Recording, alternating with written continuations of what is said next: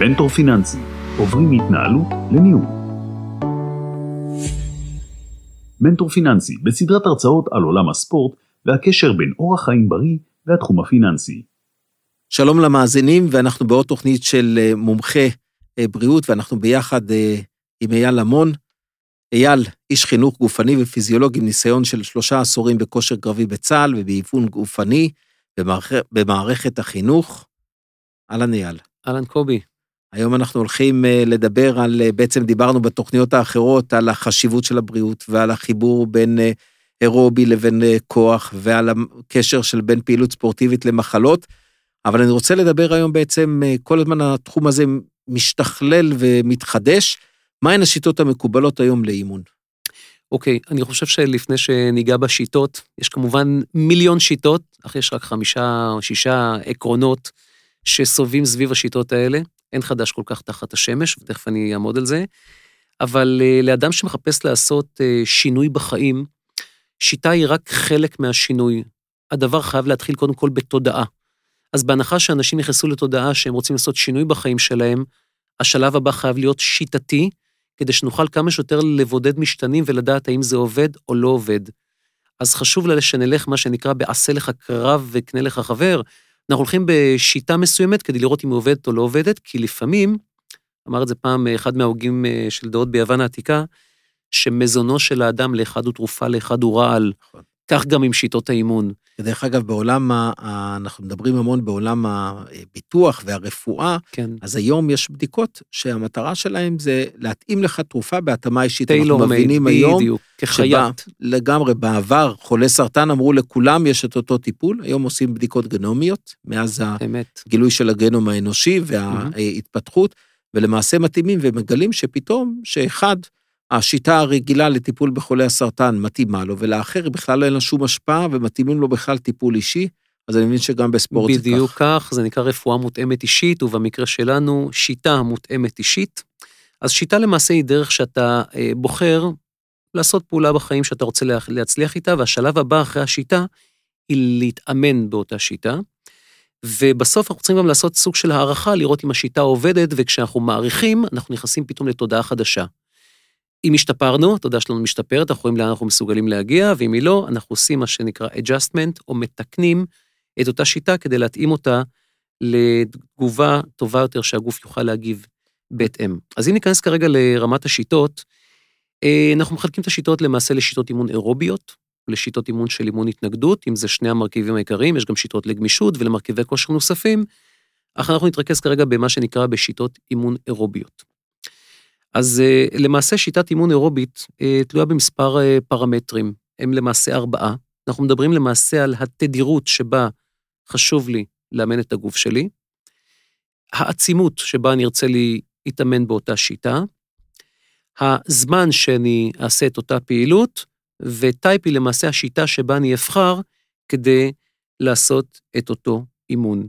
אם אני אסתכל על שיטות, אני יכול לחלק אותן לשני, חלוקה גסה לשני, שתי שיטות לצורך העניין, אחת נקראת שיטת הרצף, שבה אני מושך את האימון שלי למשך זמן ממושך ככל שניתן, ובשיטה השנייה היא שיטה קצת יותר מתקדמת, נקראת שיטת האינטרוולים או שיטת ההפוגות, שבה אני מחלק את האימון שלי למקטעי ריצה.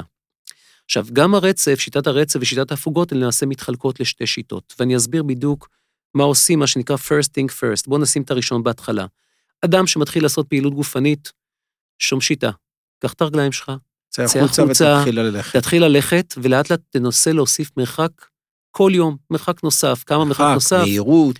אז זהו, הליכה. שבהתחלה אנחנו נוסיף את המרחק, בשלב כן. הבא יבוא הנושא של העצימות, נעלה את המהירות או נעלה את הדופק, אבל קודם כל תצא. תראה לאיזה נקודה אתה מגיע כשאתה מתעייף ברמה סבירה, למחרת תנסה לשפר את זה, וכך לאט לאט להעלות מה שנקרא את הרצף, זה נקרא שיטת הרצף. יפה. אבל זה נקרא רצף נרחב. למה? כי המטרה היא פה להיות בכמה שיותר מרחק לעבור. באיזשהו שלב השיטה הופכת להיות שיטה שנקראת רצף עצים. אני כבר מנסה לעשות את אותו מרחק שאותו עשיתי אתמול. מהירות יותר גדולה. בדיוק, בזמן קצר יותר. וכאן uh, למעשה אנחנו מעלים גם את צריכת החמצן שלנו, גם את הדופק, אנחנו כבר מזיעים, מתנשפים יותר. אם אני אקח לצורך העניין אדם שיצא כרגע למרחק של שני קילומטר ריצה, או הליכה, ולמחרת מנסה לעשות שניים וחצי קילומטר ושלושה, כשהוא יתחיל לעשות את זה ברמה עצימה יותר, הוא יחזור לאותם שני קילומטרים, אבל אם עד עכשיו הוא עושה אותם בעשר דקות... ישקיע יותר מאמץ. בדיוק, הוא ינסה לעשות את זה בזמן קצר יותר. עכשיו, אה, בשיטות שאנחנו מדברים על שיטות אימון הפוגות, אנחנו למעשה לוקחים את ריצת השני קילומטר ומחלקים אותה למקטעים קצרים, כי פה המטרה שלנו לשפר את הזמן ולנגוס ממנו. עכשיו, מאחר ואנחנו יודעים שאנחנו לא יכולים לרוץ שני קילומטר, אדם שרץ למשל שני קילומטר בשמונה דקות, נורא קשה להגיד לו פתאום תרוץ את זה בשבע וחצי. אבל אם אני אגיד לו, בוא נחלק את זה למקטעים של 500 מטר. תתאמץ בקטע מרוכז. בדיוק, ונחסוך עשר שניות מכל 500 מטר, וניתן לך אחרי זה לנוח בין דקה לשתיים. זאת אומרת, זה השיטת האינטרוולים. בדיוק, ופה אנחנו מגלים שאנחנו יכולים לעשות את זה בזמנים קצרים יותר, והמערכת המטבולית שלנו, מה שנקרא חילוף החומרים בשריר לצורך אספקת האנרגיה, וניוד חומרים מסוים שמצטברים בתוך השריר או אל השריר, היא עובדת בצורה הרבה הרבה יותר אה, טובה, ואנחנו יכולים, מה שנקרא, לקצץ את הזמנים.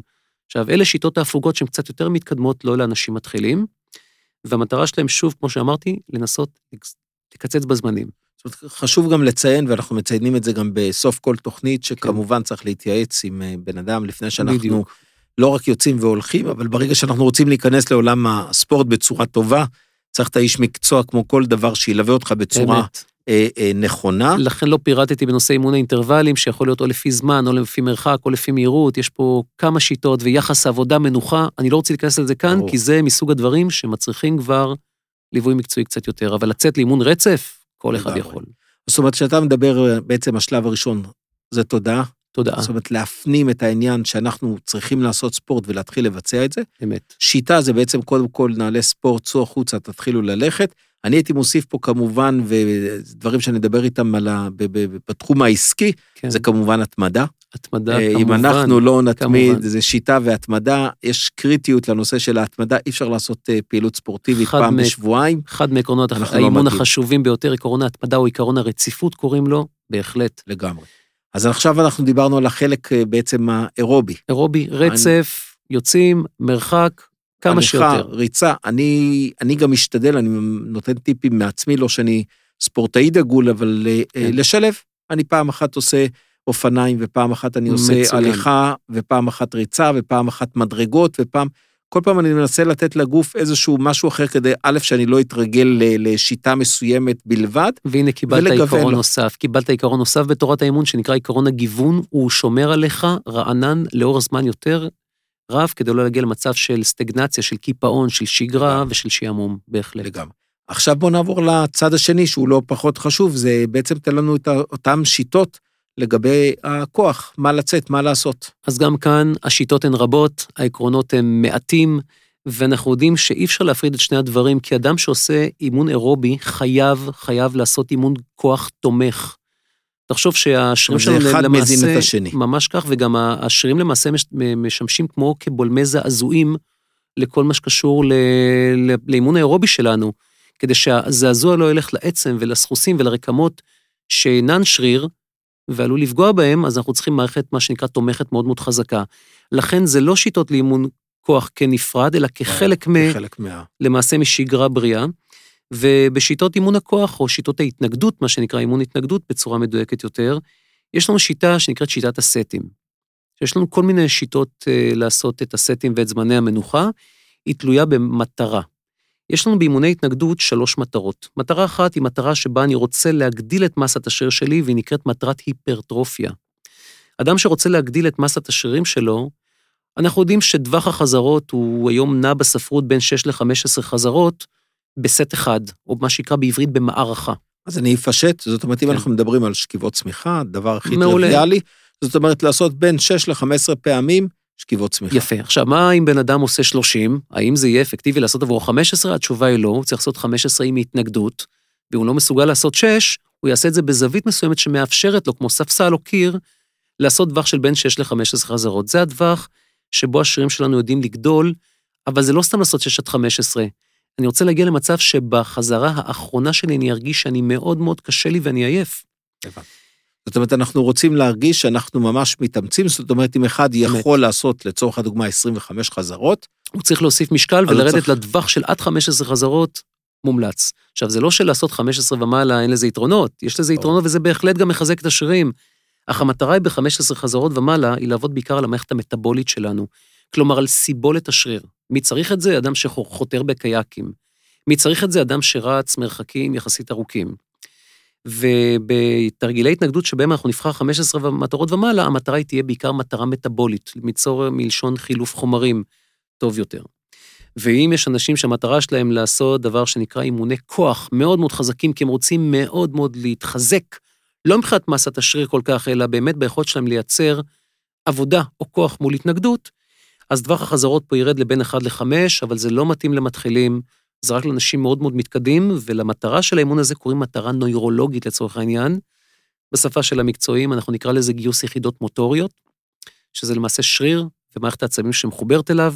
אנחנו נרצה לגייס כמה שיותר יחידות כאלה מהשריר, וזה קורה לי במשקלים מאוד מאוד גבוהים שהם אינם המטרות של אנשים שנמצאים כרגע בחדר כושר. זאת אומרת שאנחנו מדברים על... או באימון כמצב של מתחילים. אז אנחנו מדברים על האדם הרגיל, הממוצע, הממוצע, שיוצא ועושה ספורט ועושה את אותם שכיבות צמיחה ומקבילים ומתח, ויבצע בין 6 ל-15, אם הוא מרגיש שהוא מסוגל ליותר, אז הוא יכול לשנות את הזוויות, לשנות את המתח ומקבילים וכולי.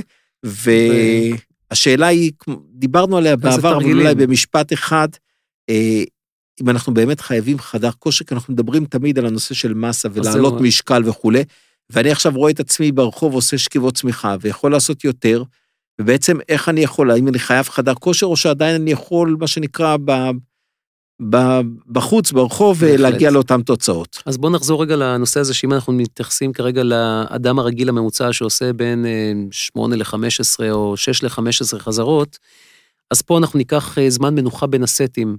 מומלץ לעשות בהתחלה רק סט אחד, לא צריך יותר. סט אחד, מספר תרגילים שתכף נעמוד עליהם, וזמן המנוחה יהיה בטווח של בין דקה לדקה וחצי, 60 עד 90 שניות, מה שנקרא. ועכשיו השאלה נשאלת איזה סוג של תרגילים לעשות, והאם באמת אפשר לעשות אותם בכל מקום. יש תרגילי מפתח או תרגילי יסוד, אנחנו קוראים לזה בשפה המקצועית 7 Primal Movements, או תנועות אב קדמוניות שעזרו לאדם בעת העתיקה כדי להביא אוכל הביתה, מה הוא צריך לעשות. אז יש למעשה שבעה תרגילים או שבע תנועות שהן בסיסיות, שאפשר לעשות אותם בכל מקום. בחדר כושר יש לנו את האמצעים המתקדמים יותר כדי לעשות אותם בצורה נוחה. אין שום סיבה שלא נוכל לעשות אותם בכל מקום שבו אנחנו נמצאים. אז אני הולך ו... לאתגר אותך דרך ה... מה שנקרא דרך המיקרופון, לנסות אה, אה, להעביר, להמחיש. בוא ניקח למשל את הדוגמה הראשונה. אני אגיד רגע את שבע התנועות מהר, כן. ואחרי זה נחלק אותם לחלקים. זה נקרא squatting, היכולת שלך לשבת ולקום, bending, איך אתה מתכופף לפנים, lunging, איך אתה כורע להרים דברים, מהמילה כריעה. pushing, איך אתה דוחף, pulling, איך אתה מושך, twisting, איך הגוף נע למצב של אה, תנועות במישורים האלכסוניים שלפעמים אנחנו נדרשים אליהם בחיי היום שלנו, ו gait זה צורות, התנג... התנג... הת... צורות התקדמות התקדמות ממקום למקום. זה squatting, bending, lunging, pulling, pushing, twisting, gait. אלה למעשה שבע תנועות האב קדמוניות. בואו ניקח למשל רק את ה squat. אדם עושה ביום עשרות פעמים את הפעולה של לקום מכיסא, להתיישב, והשאלה נשאלת איך אני עושה את זה ובאיזה שרירים אני עושה, או אני משתמש כשאני עושה את אותה פעולה. כשאנחנו מתאמנים על התנועות האלה, אנחנו משתמשים בשרירים שבהם אנחנו צריכים להשתמש כדי לקום. אותו דבר זה יהיה נכון לתנועת הכריעה שקראנו לה מקודם lunge, mm-hmm. או pushing או pulling, מה שנקרא לדחוף דברים או למשוך דברים. ואלה למעשה התנועות שאנחנו צריכים לעשות במהלך היום, באותם 6 עד 15 חזרות, עם 60 עד 90 שניות מנוחה. לתנועה אחת רק בשביל ההדגמה של הפודקאסט, ניקח למשל תנועת הישיבה. אנחנו צריכים לקום במצב שבו הגב שלנו כמה שפחות מתכופף לפנים. מי שאמור להקים אותנו זה שרירי הישבן, שרירי ריחיים הקדמיות, ושרירים שנמצאים מאחורי השוקה שלנו, שנקראים שרירי הסובך, ככה אנחנו צריכים לקום. מה עושה אדם שאין לו מספיק כוח באותם שרירים? פשוט מטה את הגוף שלו לפנים, מעביר משקל, מה שנקרא משנה מרכז כובד, ומתרומם עם אה, שרירים שאיתם אנחנו לא צריכים להתרומם. וברגע שאנחנו מתחילים לאמן את השרירים שאיתם אנחנו צריכים לנוע ולתפקד בחיי היום-יום שלנו, אנחנו מגיעים למצב שאנחנו שומרים על הרקמות, כמו למשל דיסקים בין חולייתיים או סחוסים, לטובת שריר שהולך ואף מתחזק באותה מיומנות. טוב, אז uh, אנחנו מגיעים לסיומה מהר מאוד של עוד uh, uh, תוכנית. הפעם עסקנו בכל מה שקשור לשיטות אימון. ניסינו להעביר, או יותר נכון ניסית אתה, היה להעביר בצורה הכי uh, פשוטה את השיטות אימון שקיימות, אם אני אתייחס אגב בעוד מילה לגבי השיטות, אני שוב לא נגענו פה כמעט בשיטות, אלא בשיטה של סט אחד, כי זה מה כן. שצריך לעשות בהתחלה. בהמשך זה כבר יהיה שיטה, שיטה של סט משולש, סט מרובע, רב סט, סופר סט, אך זה להזדמנות של פודקאסט אחר. נהדר, אנחנו גם נגיע לשם, וכמובן, חברים, החלק הכי חשוב, נעלי ספורט, לצאת החוצה, להתחיל ללכת, להעלות את הקצב, להעלות את המרחקים, לשפר את המהירות, שכיבות צמיחה, מתח, את הפעולות הכי בסיסיות, ללכת ולשפר, ומהר מאוד תגיעו לתוצאות, וכמובן, כמו שאנחנו אומרים, בכל דבר, להתייעץ עם אה, אנשי אה, מקצוע שמתאימים. היה מרתק. תודה רבה, קובי. תודה רבה.